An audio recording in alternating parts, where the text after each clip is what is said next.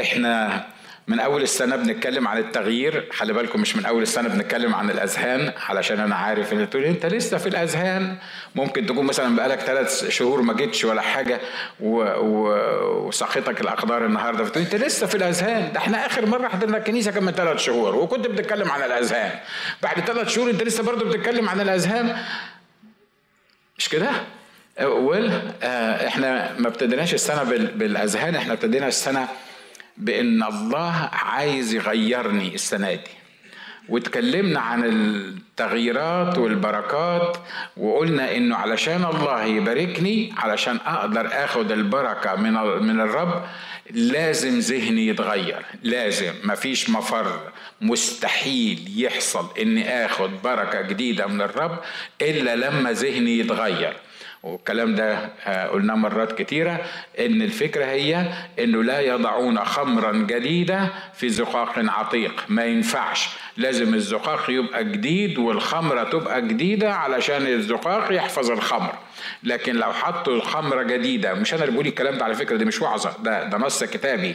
إنه إن حطوا خمرة جديدة في زقاق عتيقة لو ربنا عطلك أفكار جديدة أو تطلعات جديدة أو خطة جديدة لحياتك في نفس دماغك ونفس المخ بتاعي القديم اللي هيحصل إن الزقاق هينشق والخمره حتن هتنسكب وبتعبيرات اللغوية العربية لهذه الأيام هتضرب عارف لما بنشاور على واحد يقول لك ده راجل ضارب راجل ضارب لأن هو يعني مفهومه ضارب دي مش كده ولا إيه؟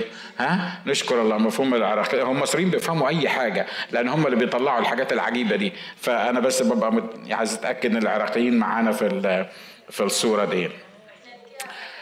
آه نشكر الله من أجلكم. anyway واتكلمنا عن عن عدة أذهان الذهن الجسدي والذهن الطفولي والذهن أكتر من حاجة. النهارده هنتكلم عن أسوأ ذهن موجود في الكتاب. أسوأ ذهن.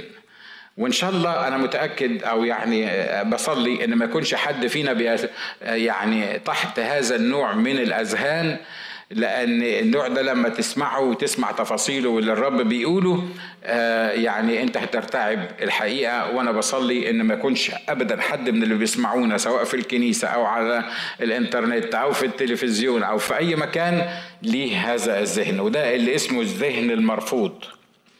الذهن المرفوض. في روميا 1 28 بيقول الكلمات دي.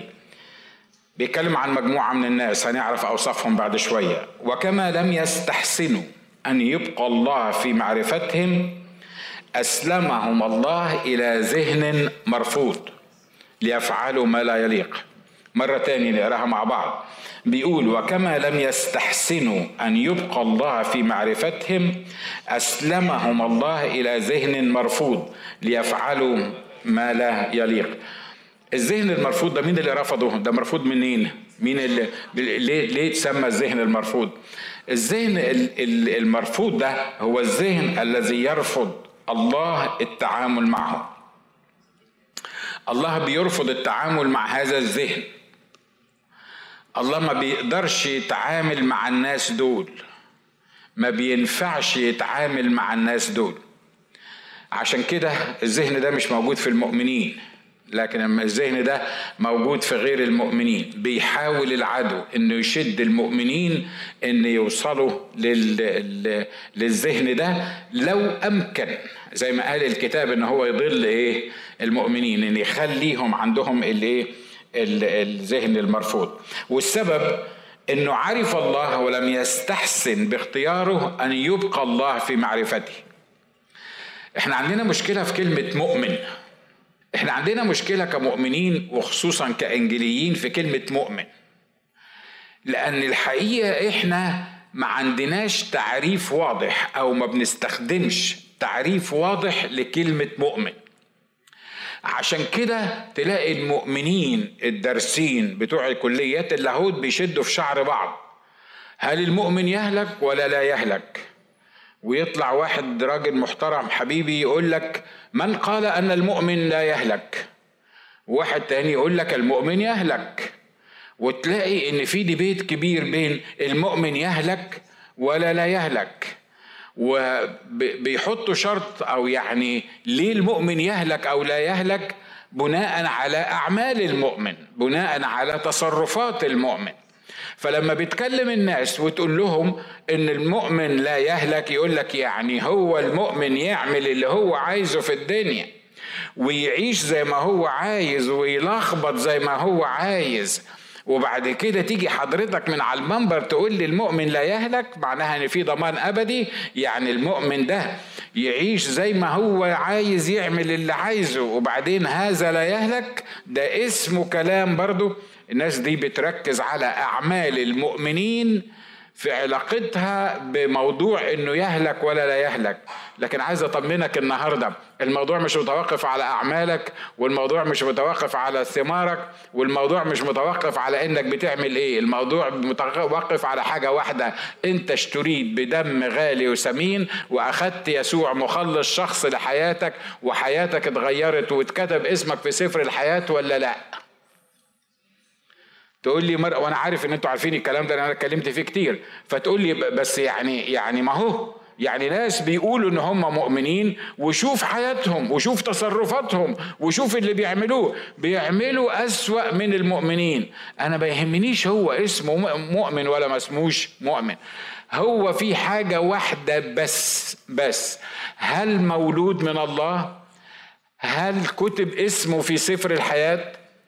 هل في يوم من الأيام سلم حياته للمسيح بأي تعبير أنت فاهمه أو أي تعبير أنت بس في النتيجة المحصلة النهائية هل هذا الإنسان ولد من الله؟ لأن مكتوب عن الذي ولد من الله المولود من الله لا يخطئ والشرير لا يمسه.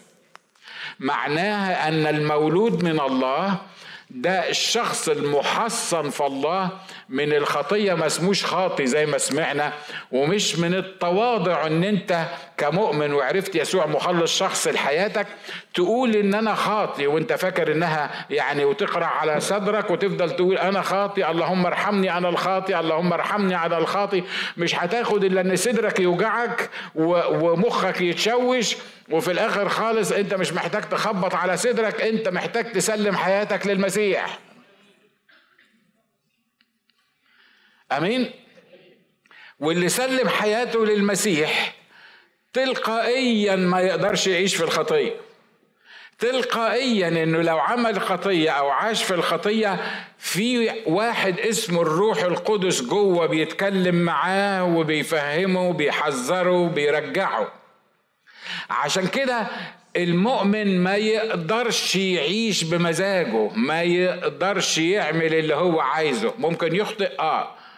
سواء كانت كبيرة صغيرة فيش خطية كبيرة كبيرة صغيرة لكن ممكن لكن ما يقدرش يعيش في الخطية ما يقدرش يكون حياته عايش في الخطية أمين؟ موافقين إحنا على الكلام ده مش كده؟ طب تقول لي لو عاش في الخطية إحنا عارفين مؤمنين ومولودين من الله وعايشين في الخطية لو عاش في الخطية بقى يحصل إيه؟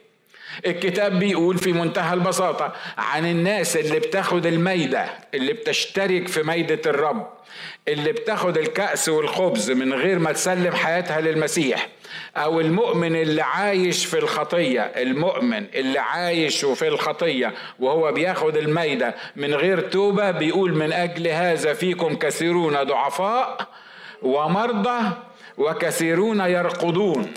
يعني إيه؟ يعني مرات ببقى ضعيف ومرات ببقى مريض وفي الآخر خالص لما ربنا ما يقدرش يصلحني إنجاز التعبير أو أنا مش عايز أصلح نفسي يعمل إيه؟ يكسر رقبتي. يموتني. من أجل هذا فيكم كثيرون ضعفاء ومرضى وكثيرون يرقدون. أنا عارف إن الآية دي اتقالت على اللي بياخدوا الميدة بدون استحقاق وهم اللي مش مولودين من الله لكن ده التطبيق العملي بتاعها الصاحب الذهن المرفوض ده إنه عرف الله. سمع البشارة. الروح القدس جواه كلمه بشكل أو بآخر. عارف إن في إله في السماء وعارف إن الإله ده هو المتسلط في مملكة الناس وعارف إن الإله ده هو الشخص الوحيد اللي المفروض يعبد وعارف عارف معلومات عن الله يمكن أكتر مني ومنك. لكن هو بمحض إرادته اختار إن هو باختياره أن لا يبقى الله في معرفته. ليه؟ أصل ابقاء الله في معرفة الواحد ده فيها صراع مش كده ولا إيه؟ ها؟ ليه؟ لأن الروح القدس موجود جوايا كل ما أجي أستغبى الروح القدس يقول لي خلي بالك أنت أنت مرات ببقى مش عايز بصراحة مش عايز مش يعني هو في حد زي هنا ولا أنا بس ال يعني معلش اعتبروني أنا الوحيد في الدنيا الخايب يعني. فإني مرات الروح القدس يقول لي خلي بالك خلي بالك خلي بالك ما تعملش الحاجة الفلانية أو ما مش عارف ما وبعدين بصراحة أنا عايز فأنا أعمل إيه؟ أروح مسكته. ومعلش يعني خلاص خلصت العملية. ومرة واثنين وثلاثه على فكرة مش دول أصحاب الذهن المرفوض أصحاب الذهن المرفوض اللي هم عارفين إن الله موجود لكن مش قابلينه من الباب ولا من الطاق زي ما بيقولوا. هو فكرة الله بالنسبة له مش موجودة. تسميهم ملحدين. على فكرة في بعض الملحدين مؤدبين أكتر من المؤمنين. في في ناس ملحدين عندهم قيم ومبادئ ماشيين بيها بصراعاتهم الجسدية وبإصرارهم على رفض الله صدقوني مرات مرات مرات إن بيكون عندهم بيكون عندهم قيم وأمور يمكن المؤمنين ما تكونش موجودة فيهم أو بعض المؤمنين ما تكونش موجودة فيهم. بس في فرق بين في فرق بين الاتنين. إن كلب حي مش أنا اللي قلت كده خلي بالكم أنا بدي آية كتابية. إن كلب حي خير من أسد ميت. مش كده ولا إيه؟ مؤمن تعبان و, و, و وماشي بمزاجه وبيسوي وبيعمل وحاجات من كده أحسن من خاطر رايح جهنم مش كده ولا إيه؟ لأن المؤمن ده اتولد في عائلة الله وبقي ابن لله والله مسؤول عن إن هو يقيمه ويأدبه ويرجعه ليه ولو ما رجعش بالذوق يكسر رقبته بس وانس إن هو اتكتب في سفر الحياة المؤمن عنده ضمان أبدي فخرافي تسمع صوتي وأنا أعرفها وأعطيها حياة أبدية ولن تهلك لك إلى الأبد. أمين؟ طبعا إحنا بنفرح بالشق ده. ليه؟ لأن الحمد لله أنا أنا ليا ضمان أبدي. بس خلي بالك لو أنت ليك ضمان أبدي حقيقي وأنت مؤمن حقيقي ما ينفعش إنك تعرف الله وتستحسن. أن لا تبقى الله في معرفتك. فالناس دول انه عرف الله ولم يستحسن باختياره ان يبقى الله في معرفته. ليه في حد باختياره؟ معقولة في حد باختياره لا يستحسن أن يبقى الله في معرفته؟ إيه؟ كتير. مش كده ولا إيه؟ وحوالينا كتير وحاجات كتير هنتكلم عنها. عشان كده الكتاب بيقول وكما لم يستحسنوا أن يبقى الله في معرفتهم أسلمهم الله إلى ذهن مرفوض ليفعلوا ما لا يليق. معلش عشان أكمل بسرعة حكاية المؤمن ديا لما الكتاب مرات كتيرة بيتكلم عن المؤمنين من شعب إسرائيل ما بيتكلمش في في في الآيات اللي بتقول سقطوا ولا يمكن أيضا تجديدهم للتوبة ومش عارف مين والقصة دي والقصص دي كلها. ما بيتكلمش عن ناس مولودين ثانية في عائلة الله بيتكلم عن شعب اليهود القديم اللي لما سمع المسج استنار وسمع المسج وعرف إن فعلا الكلام اللي بيتقال ده مظبوط. وعرف إن كل ما كان في العهد القديم هو ظلال للعهد الجديد. عرف كل الحقائق دي وكان موجود مع المؤمنين. وكان شكله مؤمن. و, و وعلى فكرة لما حطوا إيديهم على ناس علشان يشفوهم في العهد القديم. كان ممكن في منتهى البساطة في أول أيام الكنيسة كان ممكن في منتهى البساطة واحد من الناس دول يحط إيده على الناس دول مع المؤمنين اللي بيعملوا كده والشخص يشفى. مش كده ولا إيه؟ ها؟ لأن الله مش بيشفيني على حسب الإيد المحطوطة عليا زي ما سمعنا. الله بيشفيني لأنه حلو ولأنه محب ولأنه عايز يشفيني. مش كده؟ فيعني واحد من واحد كان معانا واحد كان معانا. لما اتكلمنا برسالة المسيح قبل الكلام دوت واقتنع بالكلام ده وصلى معانا وذاق المواهب السماوية وشاف بعينيه ويعني واحد ما تقدرش تفرقه ابدا. يمكن كمان كان بيتأمل ويمكن كمان أقول لك إيه؟ معرفش يمكن هكون زودتها شوية. لو قلت يمكن كمان كان مسؤول عن كنيسة. هو هو ماشي في في الزفة موجود. وفي الآخر خالص قعد مع نفسه كده قال لك لا الكلام ده كله ده مش مظبوط. والكلام اللي أنا بعمله ده مش صح. ده اللي مش ممكن تجديده أيضا للتوبة. ليه؟ لأنه شاف وسمع وذاق وقبل واشترك في القصة دي كلها.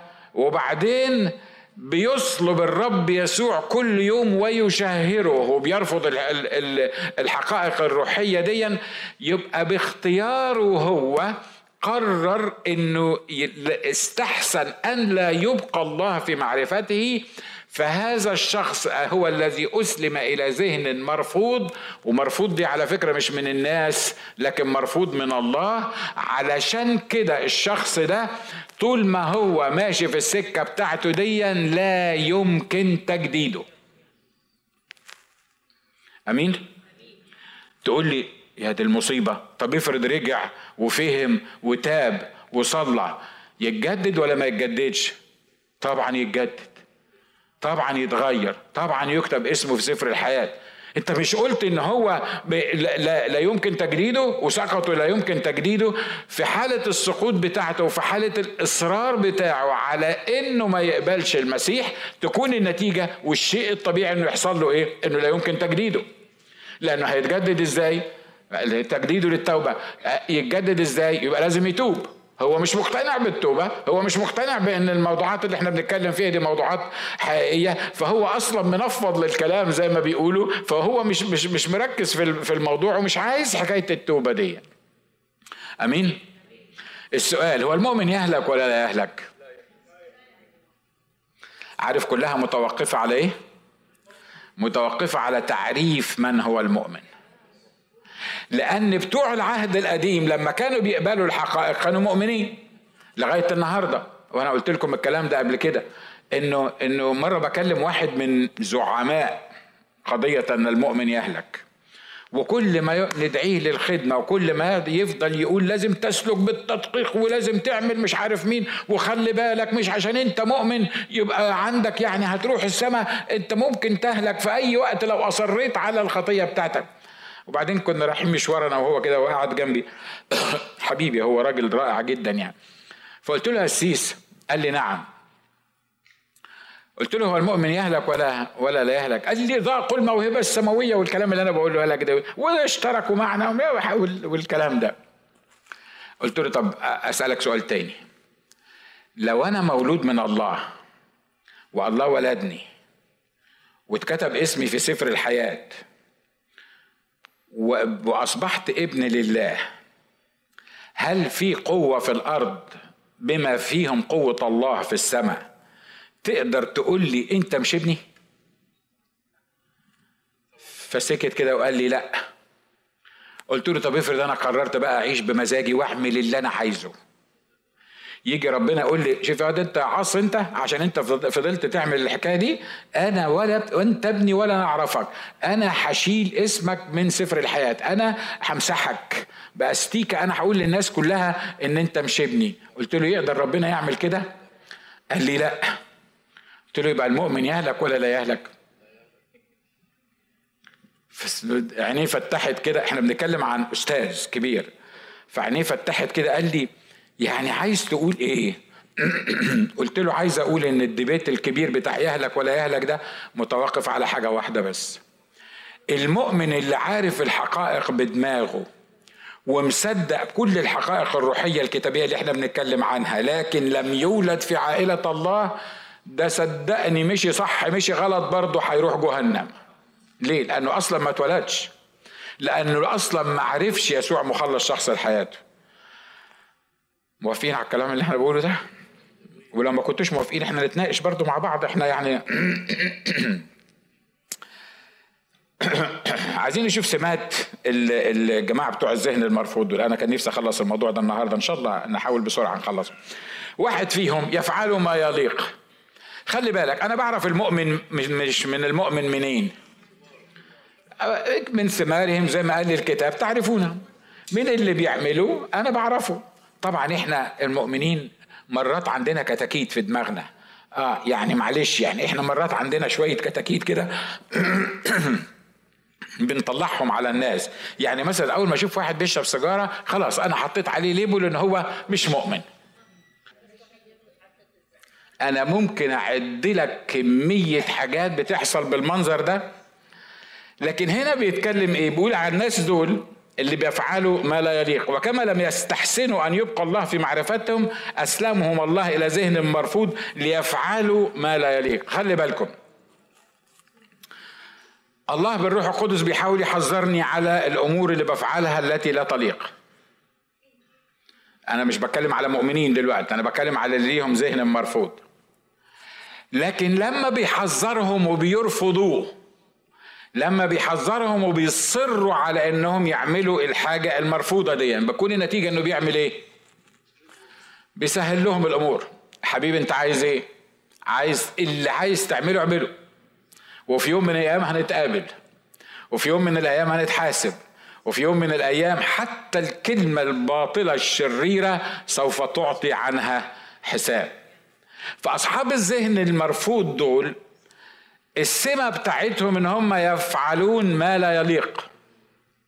والكلمة ما لا يليق دي كلمة واسعة. ليه ما قالش الرب مثلا يفعلون الشر؟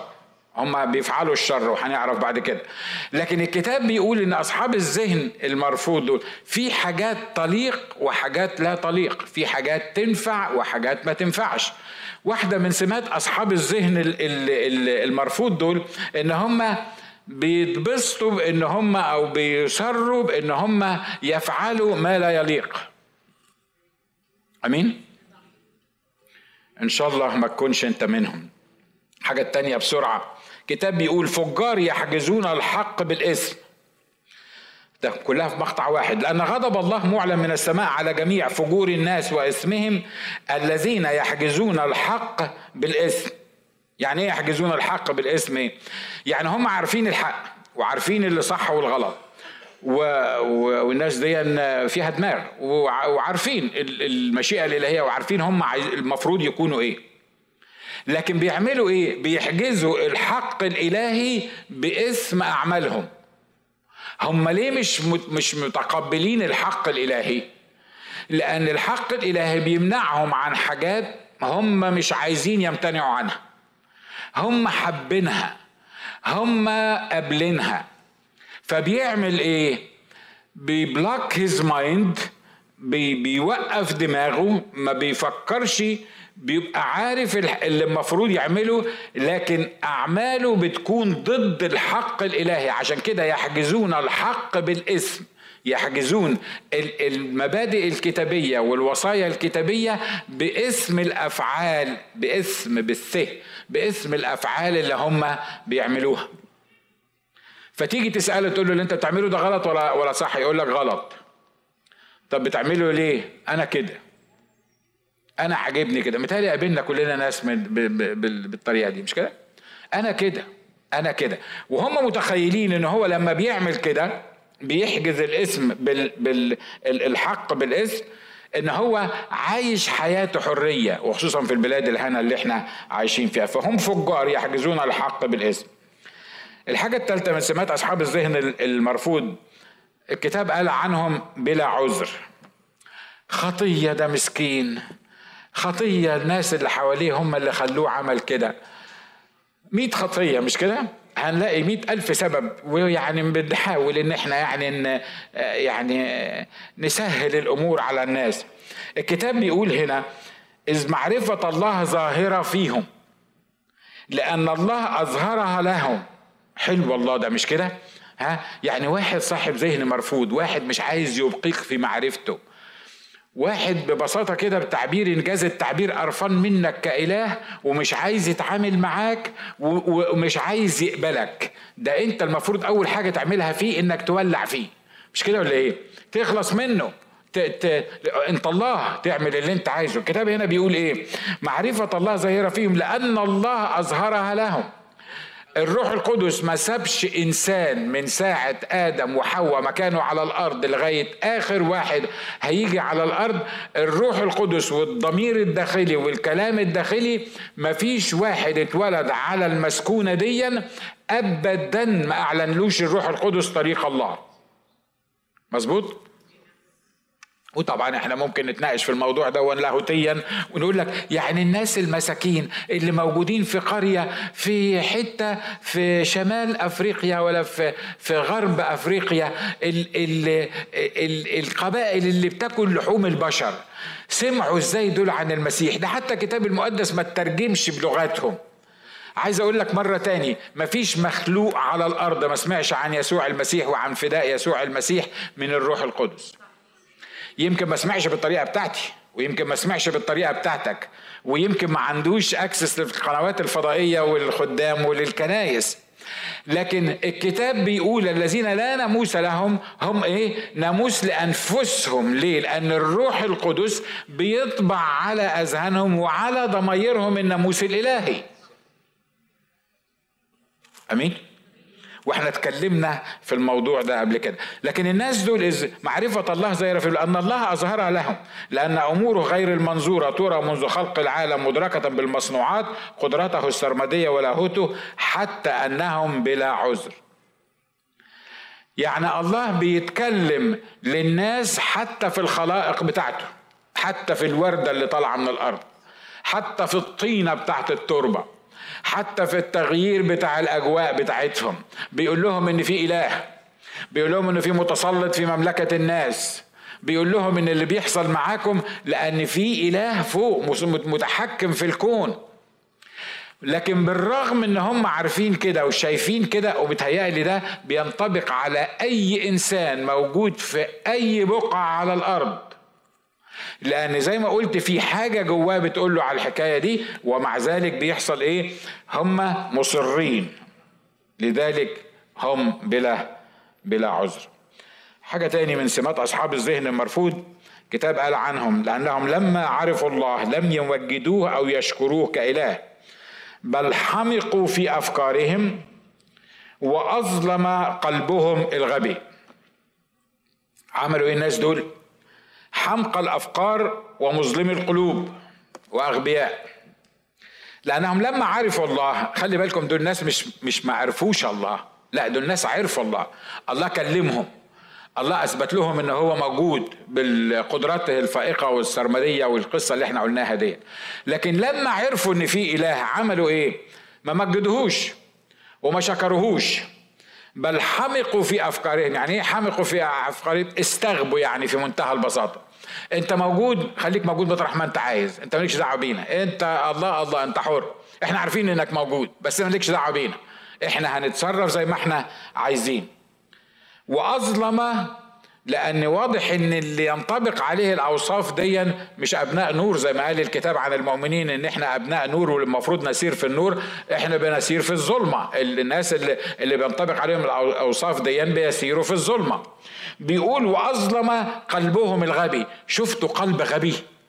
التعبيرات دي الروح القدس كان قصدها يعني. يعني مثلا لو قال ذهنهم الغبي تمشي. لو قال فكرهم الغبي تمشي برضه. يعني فكرهم غبي ذهنهم غبي طريقتهم غبية نظراتهم غبية تطلعاتهم غبية. أي حاجة تنفع. لكن يعني إيه قلب غبي؟ هو في قلب غبي وقلب سمارت يعني يعني ولا ولا دي فلتت من الراجل اللي كان بيكتب القصة؟ لا ما فلتتش. لأن روح قدس ما بيفلتش منه حاجة. أصل عارف صاحب القلب الغبي هيبقى صاحب فكر غبي وهيبقى صاحب كلام غبي لأن من فضلة القلب يتكلم اللسان واللي جوه في القلب أنت بتشوفه بره عشان كده الضربة في الموضوع ما هواش الفكر الغبي الضربة في الموضوع هو القلب الغبي اللي بيخلي الراجل ولا الست الغبي يفكر بطريقة غبية. بس إحنا بنشوف أفعاله اللي ناتجة عن أفكاره لكن إحنا مش واخدين بالنا إن الضربة في القلب آمين. إن شاء الله ما يكونش حد فينا لا اللي بيسمعوني هنا ولا بره يكون عنده قلب غبي. صعبة قوي حكاية قلب غبي دي, دي تنفع وعظة لوحديها دي ها؟ يعني يعني صدقني لو شفت واحد فكره غبي شوية ممكن تصلحه له يمشي لكن واحد قلبه غبي ده هتعمل له إيه؟ قلبه غبي ده ملوش إلا حل واحد بس يدخل الروح القدس القلب ده ينوره يخليه قلب حكيم تلاقي الشخص كله نور. مفيش طريقة تاني. حتى لو قعدت تعلمه تقول لي لا ما إحنا ممكن نعلمه ما إحنا ممكن نفهمه. أصل الموضوع مش في الفكرة الموضوع مش إنك تعلمه ولا تفهمه. الموضوع إن هو يقبل يسوع مخلص شخص لحياته لما يسكن الروح القدس في القلب ده يبقى هو ده القلب السليم المظبوط اللي الرب عايزه. غالبا فاضل فاضل نقطة أو اتنين ونخلص. الحاجة الثانية بيزعمون أنهم حكماء لكنهم جهلاء، وبينما هم يزعمون أنهم حكماء صاروا جهلاء. لما تسمع واحد من الملحدين اللي ما بيؤمنوش بوجود الله بتلاقي فيهم فلاسفة يا جدع. يقعد يكلمك على الإنترنت ولا لما يقعد معاك يجيب لك شواهد ويجيب لك آه يعني حاجات كده. حد فيكم اعترض طريقه واحد من من الناس دول؟ صدقوني بيقول لك حاجات انت كمؤمن ما تعرفها. ودارس ومؤدب وشخص كويس وما بيغلطش وبيحط لك حقائق وبيحط لك أرقام وبيحط لك أمور بتحصل و و وتلاقي نفسك انت في الآخر يمكن بدل ما يعني هتقنعه إنه في إله يمكن انت تطلع من قدام وتقول أنا بصراحة مش عارف أنا اللي حصل معايا ده إيه هو ده في إله ولا ولا ولا ما فيش وشايفين إن الحكمة الحكمة الإنسانية الأرضية النفسانية دي اللي قال عنها الكتاب الحكمة إنك تبطل حكاية الإله دي. ليه؟ الإله ده بيقول لك الأرض بقاله ست ست آلاف سنة.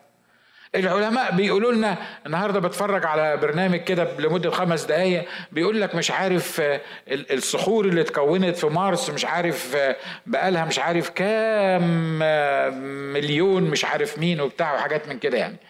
فتحس انك انت يعني بيقولوا لنا ان الأرض بقالها 6000 سنة موجودة. فازاي الأرض بقالها 6000 سنة؟ وفيها طبقات بتبقى يعني بترجع للملايين السنين.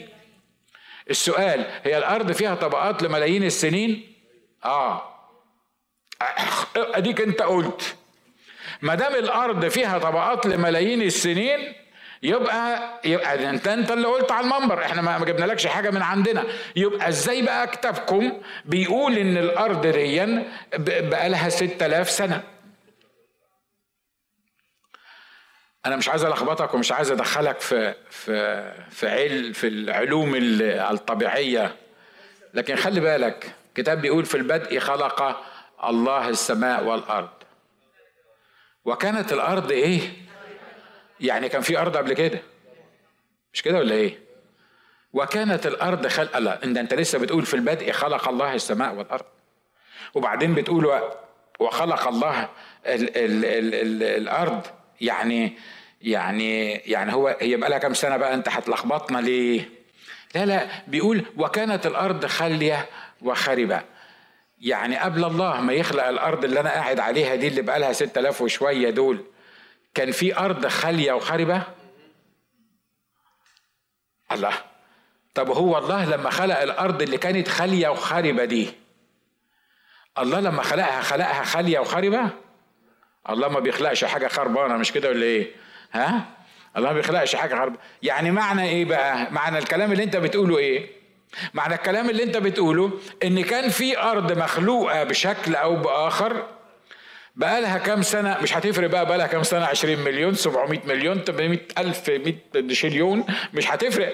كانت لأن لأن إعلان الله عن الأرض اللي إحنا عايشين عليها ديا هو قال إنه سواها كده صلحها عملها أرض من 6000 سنة. لما الكتاب يقول كده يبقى الأرض اللي إحنا عايشين عليها من 6000 سنة.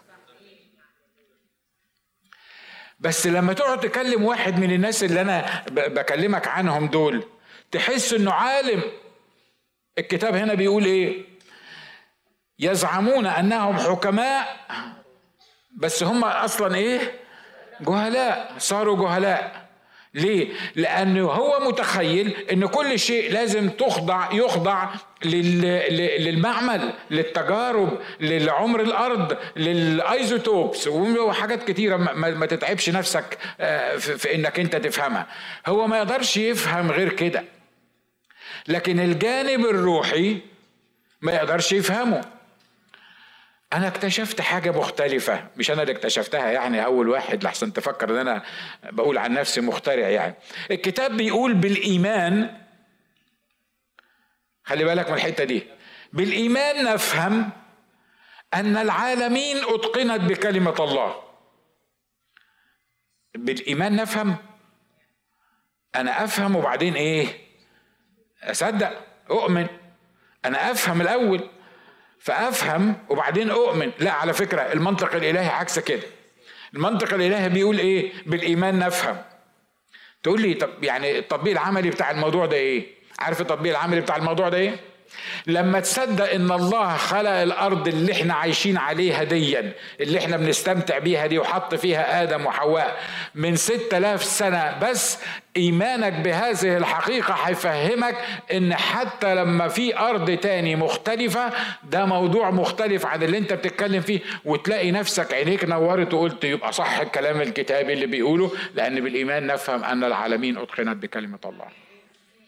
آمين؟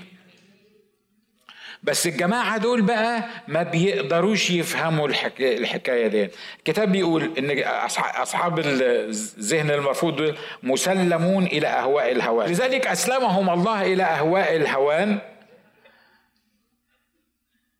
لأن أناسهم استبدلنا الاستعمال الطبيعي بالذي على خلاف الطبيعي. طبعا مش هشرح لك الكلام ده أنت حر بقى ما أعرفش أشرحه من على المنبر و, و... و...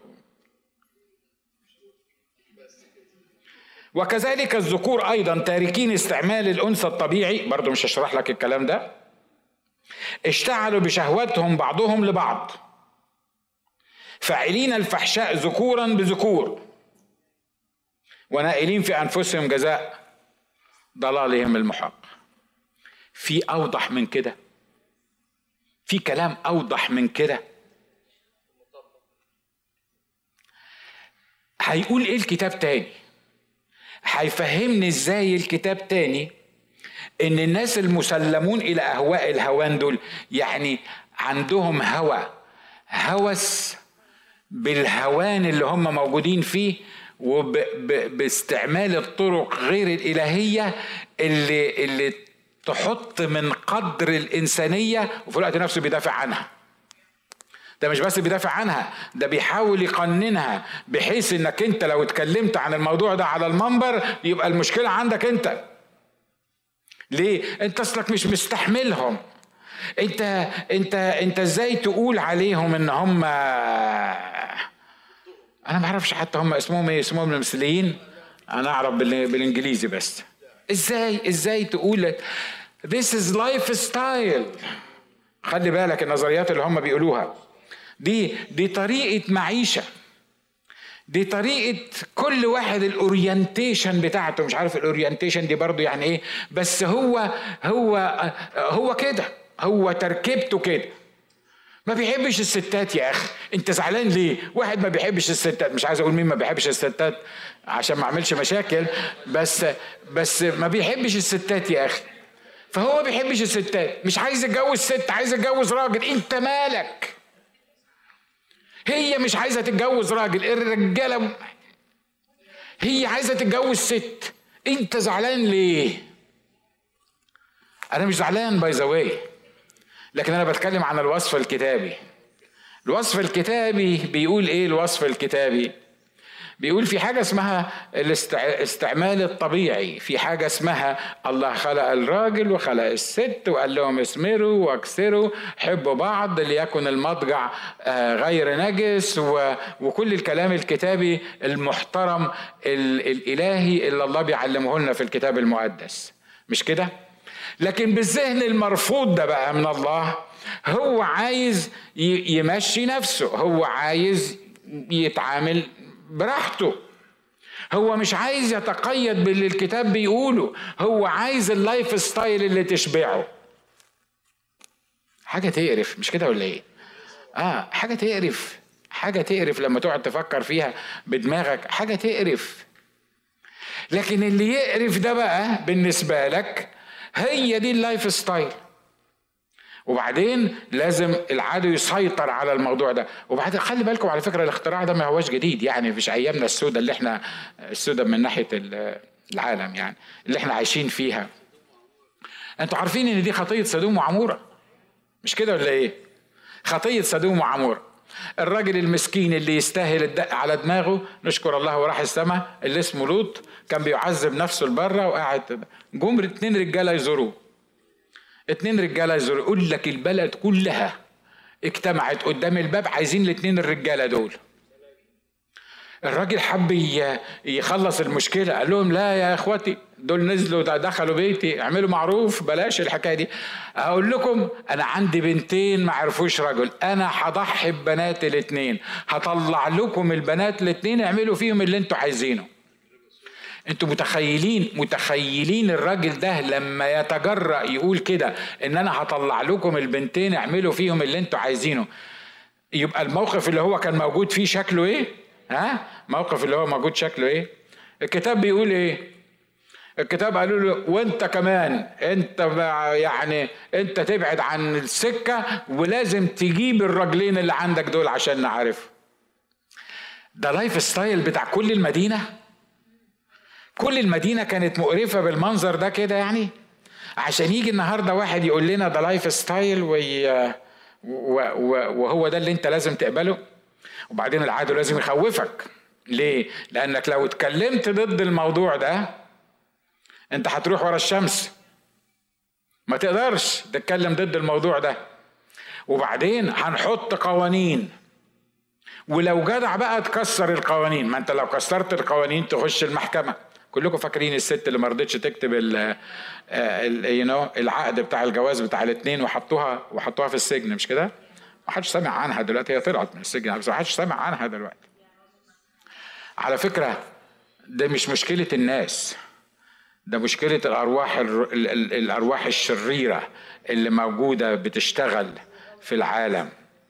الكتاب قال أنه كما كانوا في أيام نوح يزوجون ويتزوجون. لغاية ما نوح دخل الفلك. الأيام اللي إحنا عايشين فيها دي بالظبط زي أيام نوح. صح؟ كل اللي اتكتب في الكتاب عن أيام نوح النهارده على فكرة من ساعة أيام لوط والموضوعات دي ماشية موجودة. يعني ما وقفتش وطلعت في أيامنا الهنا اللي إحنا فيها دي. لا ده هي ماشية.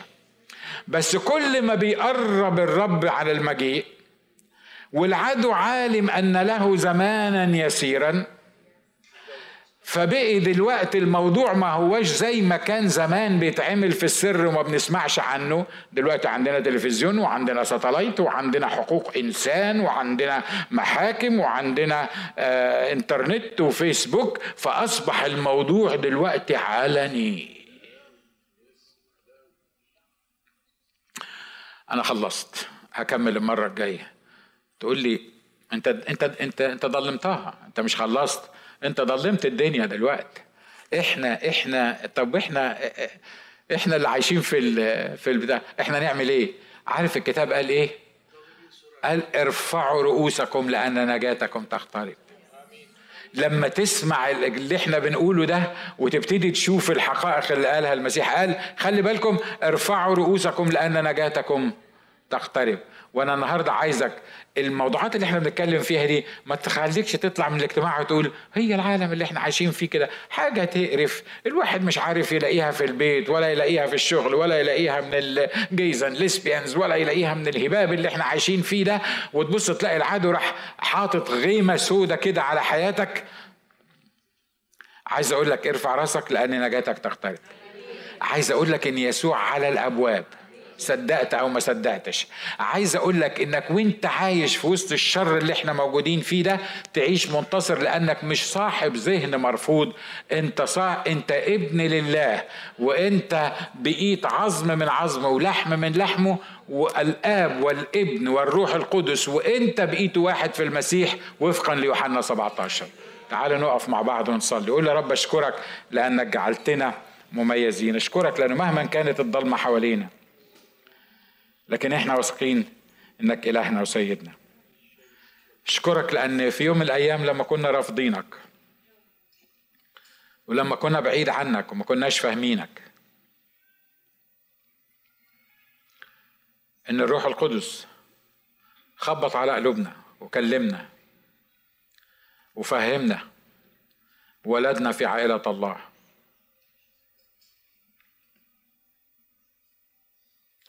قول يا رب بشكرك لأني بقيت فيك أنا محمي فيك مهما كان في العالم.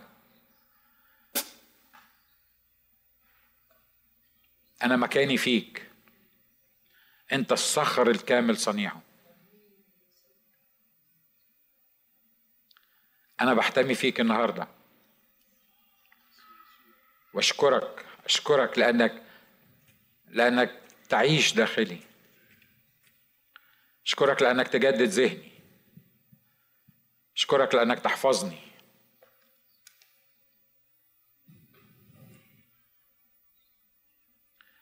قول يا رب احفظني من من أفكار العالم اللي بيحاول إبليس يرميها في عقلي. من الأمور المنطقية العالمية اللي بيحاول يقنعني بيها حتى من خلال الكنيسة.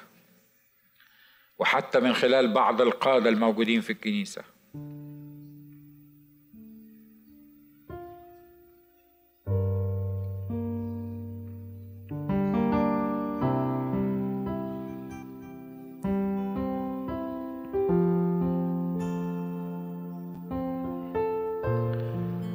قل أشكرك لأني محفوظ ومنقوش على كفك. وقلت بالنبوة عني أسوارك أمامي دائما. لا يدع رجلك تزل لا ينعس لا ينام.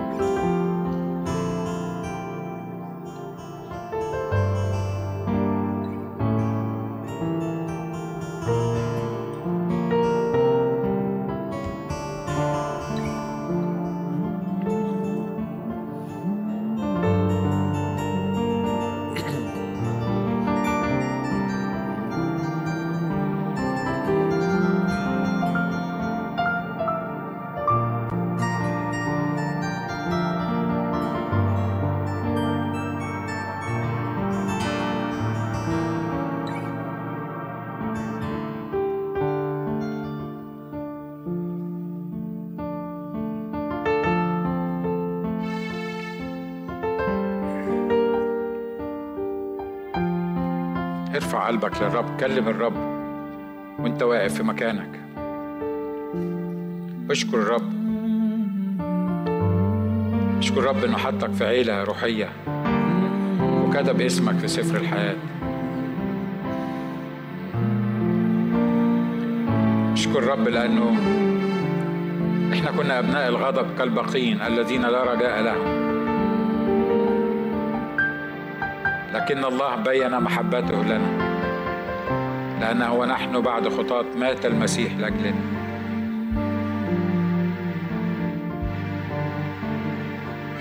أشكرك لأني محفوظ فيك. لأن الذين في يدك لا يستطيع أحد أن يخطفهم منك. هللويا